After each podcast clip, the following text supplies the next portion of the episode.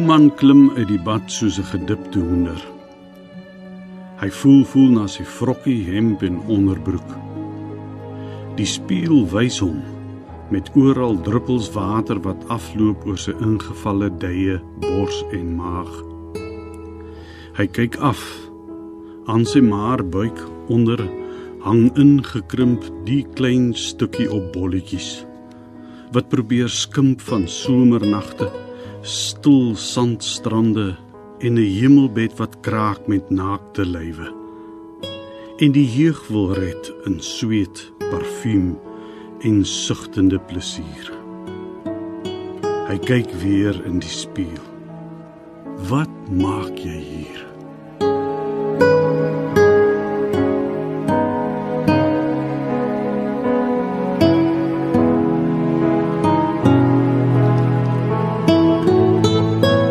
Goeienaand en welkom weer eens by Vers en Klank. Oorkant my sit Bernard Odendaal en ons twee gaan vanaand 'n program maak oor UL de Villiers. Jy het voorgestel ons moet die program begin met daai wonderlike gedig. Bernard, toe kom. Ja. Nee, want dit is my so kenmerkend van die laat UL de Villiers. Dit kom uit sy laaste bundel Vervreemdeling wat in 2008 verskyn het, 'n jaar voor sy dood. En dit is so vir my tipeerend hoe van hoe hy na homself gekyk het in daardie laat jare in sy lewe.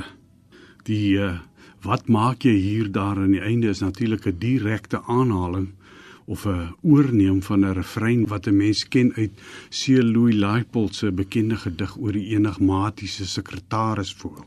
En uh, die implikasie is dat hy as 'n Christen gelowige uh, verouderende Afrikaner hom ook 'n bietjie so enigmaties vervreemd voel hier aan die einde van sy lewe. Met die vervreemdeling. Ja, die en, vervreemdeling. Ja. Ja. Hy was bloedjonk toe hy oorlede is. 73. Ek sien nou bloedjonk dank seker af waar hy staan. Ja. Ja, uh, te vroeg. Daai uh, laaste twee bundels van hom is, is sy beste bundels en ek sou eintlik graag nog wou gesien het. Dis so 'n bietjie, jy weet, baie selfsugtig van 'n poësie liefhebber om te wil hê iemand moet leef om daai rede, maar ek sou graag wou gesien het wat hy in nog bundels sou gedoen het. Maar nou ja. Hy was so veelsidige mens. Ja, hy was, jy weet, behalwe dat uh, almal uh, wat van U.L. de Villiers al gehoor het, sal waarskynlik weet dat hy natuurlik nou 'n predikant was. Maar uh, dan was hy dekades lank ook 'n uh, joernalis, redakteur eers van Sari en toe van Rapport. Hy het ook baie geskryf behalwe 'n klomp boeke met van geestelike inslag het hy ook 'n klomp nie fiksieboeke geskryf het. Geskryf ek kan baie goed onthou sy boek oor depressie, die siekte van ons tyd mm. het by uh op my ma se bedkassie byvoorbeeld gelê want sy het self gelei aan die siekte. En dan het hy hy byvoorbeeld 'n uh, 100 liedtekste geskryf uh, van geestelike aard en 'n hele paar van hulle is nog steeds uh, opgeneem in die uh liedboek van die kerk byvoorbeeld en dan natuurlik sy vyf pragtige digbundels. En uh sy werk omtrent al hierdie terreine wat ek nou genoem het, is hy herhaaldelik bekroon vir sy werk. As digter, as 'n mens nou byvoorbeeld in die literatuurgeskiedenis gaan kyk, dan is 'n 'n tipering van hom is dat hy 'n Christelik kalvinistiese digter is. Ek is nie so seker of 'n mens hom so moet tipeer nie. Religieuse digter ja, maar daar's byvoorbeeld ook 'n baie duidelike mistieke inslag by hom iets wat 'n mens eerder uh, van uit die uh, rooms-katolieke of ander ortodokse kerke sal verwag. So ek sou liewer iets soos 'n religieus as 'n term wou hê om die inslag van sy werk te beskryf. Ja. Sy vroeë bundels wat deur in die jare 1970s verskyn het, sien 'n mens dit al baie duidelik.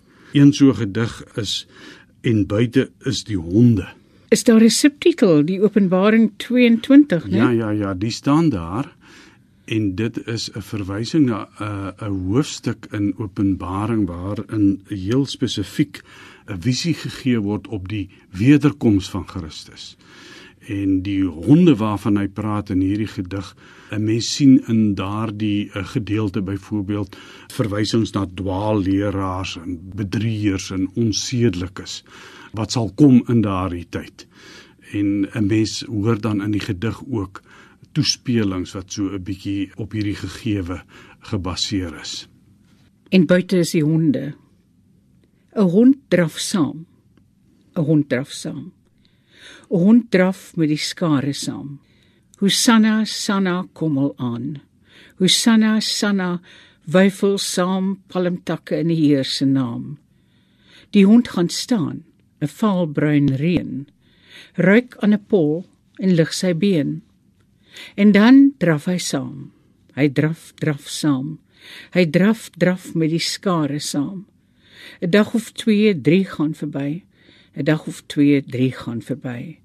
'n Man in purper gaan verby. Die hond ruik aan 'n skuimpie spoeg wat afloop langs 'n klip. Hy wag, hy soek. Hy snuffel aan 'n streepie bloed. En hy draf weer saam. Hy draf, draf saam. Die hond draf met die skare saam.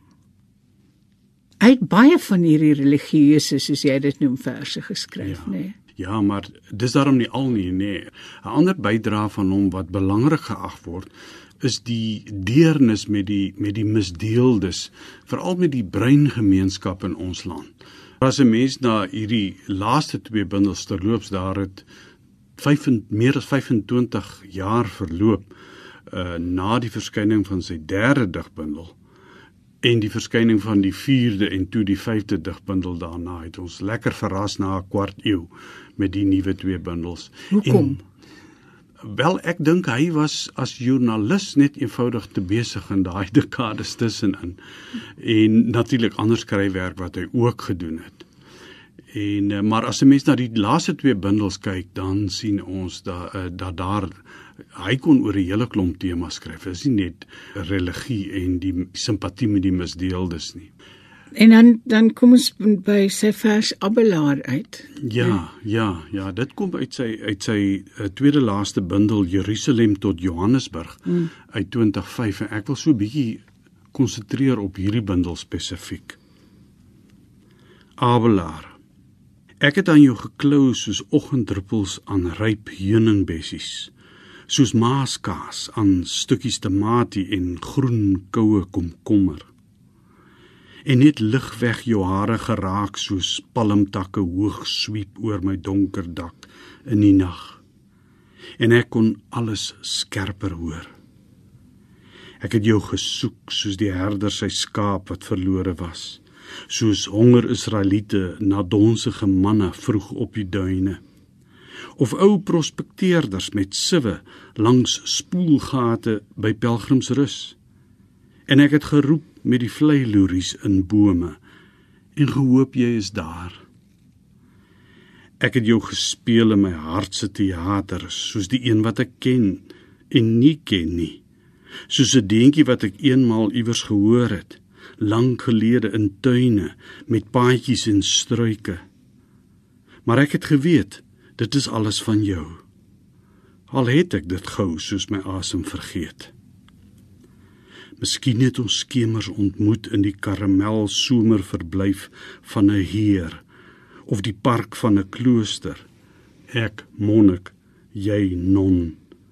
En gefluister, dit mag met ons liggame diewe van oomblikke en ons hande gevoelde gebede. Hou my vas, Heloise. Dit word nag.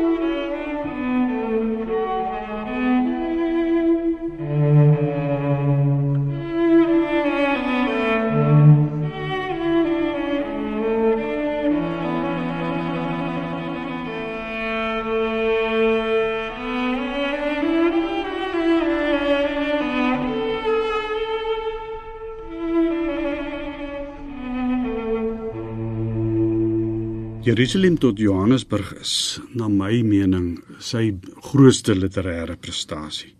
En dit is in 2006 bekroon met die Mnet prys vir poësie. Hy was bekommerd oor Afrikaans selfs in daardie tyd, was hy nie? Ja, hy was. En dis 'n dis dis dis dis 'n belangrike tema waaroor hy skryf in daai laaste twee bundels van hom. Uh nie net Afrikaans nie, maar ook spesifiek Afrikaners waartoe hy hom natuurlik wel deeglik ook gereken het. En daar is byvoorbeeld 'n reeks Persiese kwatryne hmm. in uh, Jerusalem tot Johannesburg met die hooftitel Eerste Taalbeweging. Lees ons van Ja, dit is nogal heel ironies moet ek net eers sê dat hy dit Eerste Taalbeweging maak want dit gaan eerder hier oor die angs wat hy beleef oor die moontlike verdwyning van Afrikaans wees. Laaste prater Wie sal heel laaste Afrikaans nog praat? Of sal die taal land in 'n antikwariaat? Daar is die moontlikheid dat te vergeefs 'n ou man daarin bedel op straat. Sjoe, sjoe, sjoe. Gebed. My taal.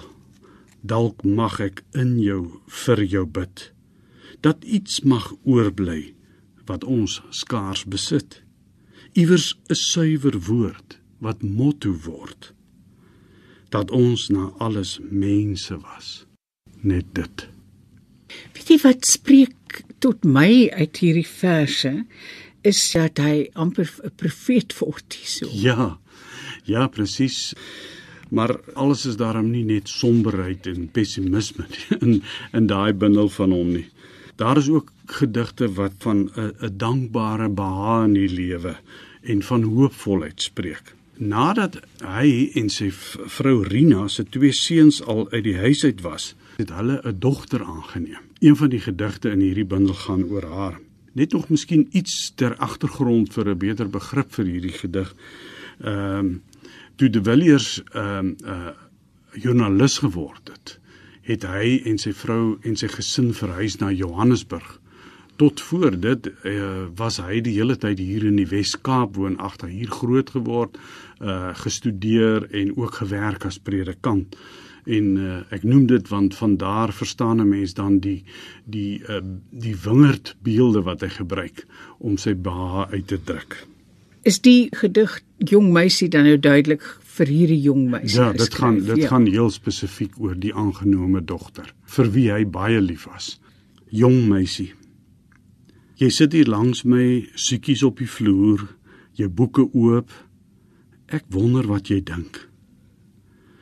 Jy het vir my die druif geword. Die roer van wind deur wingerdblare en die drink van ryp geparste mos. Jou lag, die bars van vreugde soos 'n korrel in my mond. Soet van die somer met 'n fraksie frank.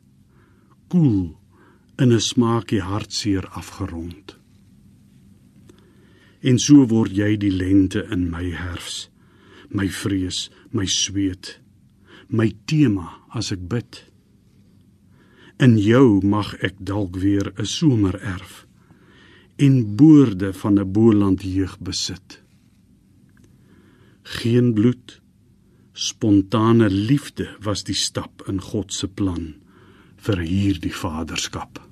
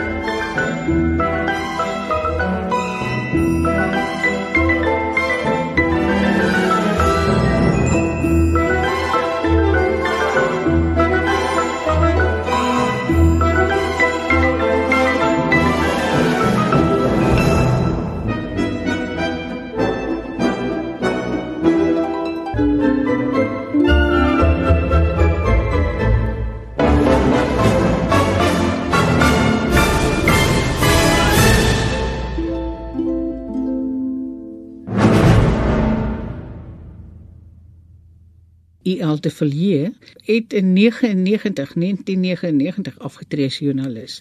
Maar hy het baie hard gewerk daarna, nê? Nee? Ja. Ja nee, hy het uh, as digter weer sy loopbaan hervat. Ja. Maar hy het ook weer as predikant begin werk. Hy het daardie voorreg gehad. En dit het hom met dankbaarheid vervul dat hy weer iets kon doen soos om die sakramente te bedien as predikant. In die volgende gedig wat ek wil lees, gaan dit juis oor so 'n doopgeleentheid en die doop van 'n heel besonderse baba soos ons sal hoor uit die gedig. En die implikasie is, jy weet, so lei ek af dat die genade, die genade met die hoofletter ons menslike sentimente te bowe gaan. Byvoorbeeld ons angs om taal en om menswees in hierdie land. Dit gaan dit te bowe. Doop. Jy het my heeltyd by die doopbak dopgehou my regterhand gevolg met jou anderster paar oogies. Effe geskreef soos jou popfyn Chinese masen gebol en lig soos jou sterk boer in verstrooiing pa. Dit was asof jy as lama luister na 'n formulier se ou ou wysheid maar uit 'n vreemde oord verwonderd oor die nuutheid hier Jy is maar maande by ons hierdie kant. 'n Baba dingetjie wat gou 'n man gaan word.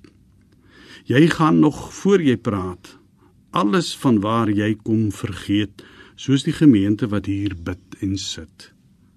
Ook dat jy nou nog geurig soos warm brood ons almal vir 'n oomblik vars van God laat weet. Jy het hom persoonlik geken, hè? Ja, ek het hom laat in sy lewe leer ken, so die laaste 5 jaar van sy lewe. En ek moet beken dat uh, dit een van die redes is redes is waarom ek so 'n buitengewone sagte plek het vir die bundel Jerusalem tot Johannesburg. Want in daardie jaar, vroeg in daardie jaar, dis nou 2005, ehm um, het ek met hom in korrespondensie getree. Hy het ehm um, via Jaap Steyn met my in aanraking gekom om te hoor of ek nie as 'n soort klankbord vir hom sal dien by die by die afronding van die uh manuskrip nie. En ek moet sê ek het onmiddellik jy weet sterk geïdentifiseer met die met die gedigte wat hy daar geskryf het en ehm um, soos wat ons gevorder het uh jy weet ook al des te meer en ehm um, na, toe die bundel nou verskyn, eh, ek moet sê dat daai proses was 'n baie sterk impetus vir my om self te werk aan die afronding van my eie eerste digbundel. En toe het ons bietjie die rolle omgery en ek het hom toe gevra of hy nie ook sal as klankbord dien vir my in daai geval nie. Daar is byvoorbeeld in hierdie bundel van hom 'n hele paar gedigte oor sy huis in Johannesburg. Eh, ek het ook 'n hele klompie gedigte in my bundel oor my huis in Bloemfontein gehad. Uh hierdie huis is is een van daardie gedigte. Opvallend in die gedig is die paradokse wat hy gebruik en dan is daar ook die woorde een skone dag wat uh verwys na Madame Butterfly van Puccini en die paradokse in die verwysing vir my as leser uh, werk dit sterk mee om die om die appel die emosionele appel van die gedig nog uh te verhoog. Hierdie huis Ek is in hierdie huis deur vier swart rowers met revolvers aangeval wat geld geskree het en where is the remote? Ek is in hierdie huis deur rowers aangeval. In hierdie huis is soms mense, ander mense wat dalk lank tevore hier gewoon het, op besoek met vrede soos van engele teen die rowers. In hierdie huis kom mense wat tevore hier gewoon het. In hierdie huis breek krane, gaan die krag af, skyn die son deur provensaalse deure, vensters, lei bedelaars die klokkie, fluit die huishulp nkosi sikelel. In hierdie huis gaan krag af, skyn die son deur deure, vensters. In bome rondom hierdie huis fluit en koer die voëls een skone dag. 'n Vaal maar kat skuil onder lae takke, wag met geel swart oë. In bome rondom hierdie huis sing voels een skone dag. In hierdie huis sal daar eendag 'n skadu inkom. Vinger op die knoppie van ver beheer. 'n Rower en 'n vriend. Donker en lig. Geheim en openbaring. In hierdie huis sal daar 'n skadu kom. Vinger op die ver beheer. Een skone dag. Dit is amper vir my weer profeties. Né? Nee? Ja, as 'n mens dink hierdie was maar 3, 4 jaar voor sy eie dood. Bernard lees vir ons die Bolandse eik toe. Bolandse eik. Die eik is in die akker waar dit skielik val. Diep in die somer as die laat aand sondig leen, hop dit en rol tot in die slootjie langs die wal waar goudgehelmde herfsbome wag op reën. Die eerste buie spoel dit toe in sagte sluk van modder, blare, stukke bas en brokke mis. Tussen erdwurms en muuregate lewe dit tot die gewassie uitbars uit sy dopbrein kus. Die boom groei stadig, vol seisoene en die vrot slaan plek plek gate uit van binne langs die put groen en fluweel fyn aan die bas kleef wintermos. Snoeiwonde sit swart oog by elke tak se lid. Die eik kyk mense jare eeue agterna terwyl hy aanhou uithol blaar en akkers dra.